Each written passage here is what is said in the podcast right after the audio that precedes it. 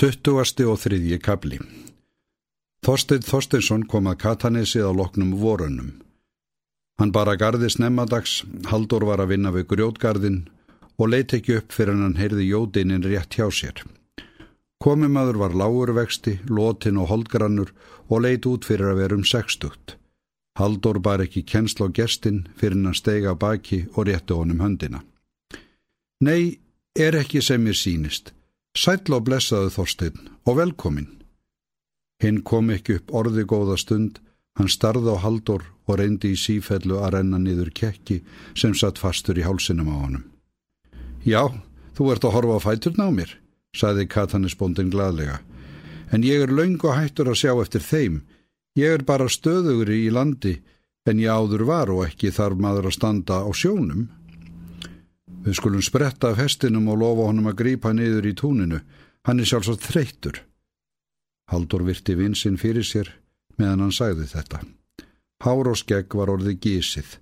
Þorstinn, grár fyrir hærum og ellilegur, leit út fyrir að vera um sextut, þótt hann væri vist ekki mikið yfir fymtugt. Þingslalegur í reyfingum og eins og fötinn hengu utan á honum, þreytulegur til augnana og göggin á svip. Svona leit þá Þorstið Þorstinsson út eftir að hafa átt yngilín öll þessi ár. Beiskjan sem vart hafði orðið í huga Haldurs vek strax fyrir umhyggja og nærgætni. Hér var komin vinur hans, æsku vinurinn sem hann hafði þráð og saknað. Þetta var mikil gleðidagur og nú skildi sleið upp veistlu á Katanesi. Ég er með bref til þín frá henni Guðrúnu. Þar áttu myndarlega dóttur, mælti Þorstinn. Röddinn var líka orðin þreytuleg. Já, hvað heyri ég? Hittir þú hana? Já, ég var nótt hjá frængu þinn í Reykjavík.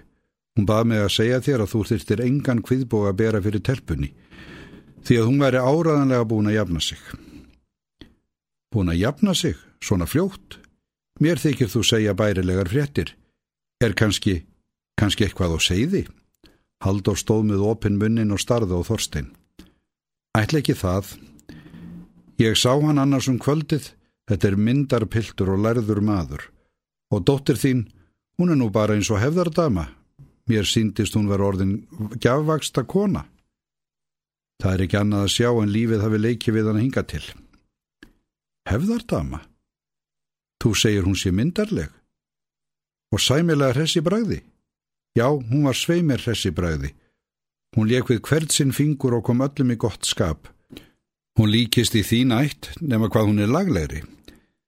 Það er reynasta unun að horfa á hana. Það var uppi fótur og fyrt á Katanes út af komið Þorstins Þorstinssonar.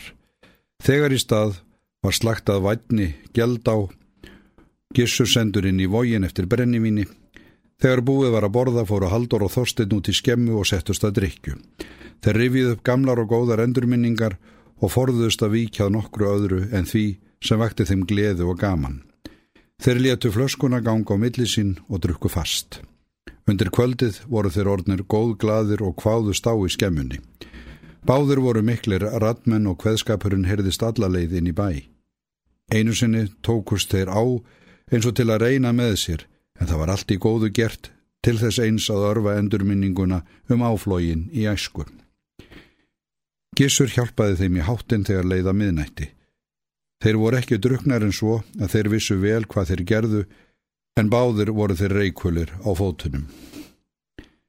Dægin eftir síndi Haldur Þorstin í jörðina. Þeir snættu ágættan miðdegisverð eins og dægin áður og gengu síðan til skemmu. En nú gættu þeir hófs við drikkjuna og rættu meira saman. Báður voru þeir angurværir í skapi og horður ansakandi kvor á annan. Það var eins og þeir vildu skegnast til botts í djúpi því sem árin hafðu staðfest á milli þeirra, árin og annað það sem þeim hafði á höndum borið. Þeir kendi í brjósti hvorum annan og báður hugsuðu með sér, ekki hefur þú verið ánaður með lífið og tilvöruna fremur en ég. Haldur steg fyrsta sporið til trúnaðar, hann resti sig lengi og döglega og sagði síðan. Sé svo að þér líki eitthvað sérstat á hjarta þorstinn, þá getur þú óhættur sagt mér það. Við erum gamleir félagar og ættum að geta tala saman í trúnaði. Þorstein strauk gísið skeggið og horfið í göpni sér. Já, sagði hann og þægði svo enn góða stund. Síðan greip hann flöskuna og drakk vænan teig. Ég veit ekki hvernig þitt líf hefur verið, hófan loks máls, en mitt líf fór á annan veg en ég bjóst við. Leistu frá skjóðinu, kunningi, saði Haldur Lári Röddu. Það er svo sem ekki miklu frá að segja. Hún elskaði þig, hún Ingilín. Haldur þreif flöskuna. Ertu gengin á göblunum aður, sagði hann lítið törkulega. Hvað ert að segja? Þorstein leitt ekki upp en helt áfram jafn og rólegur og áður. Það var því líkast að hann væri að þylja eitthvað sem hann hefði lært utanbókar. Svona var nú þetta. Hún sagði mér það nokkrum árum eftir að við giftumst og ég vissi það svo sem áður.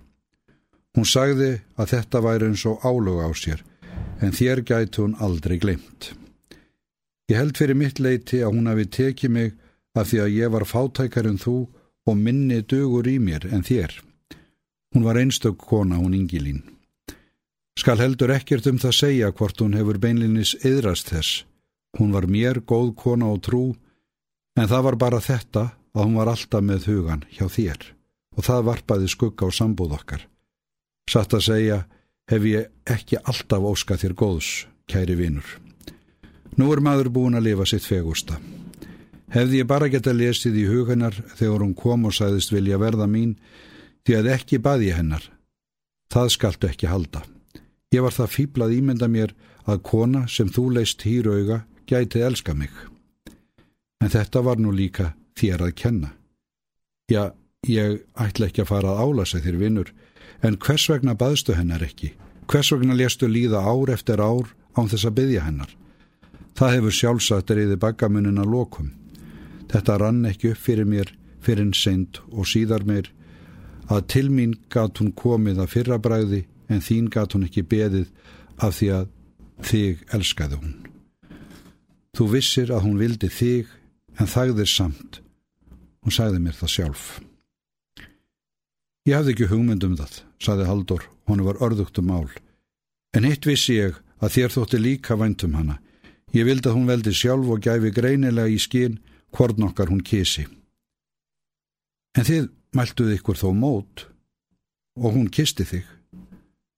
Þá voru við bara krakkar og myndumst heldur ekki á þetta.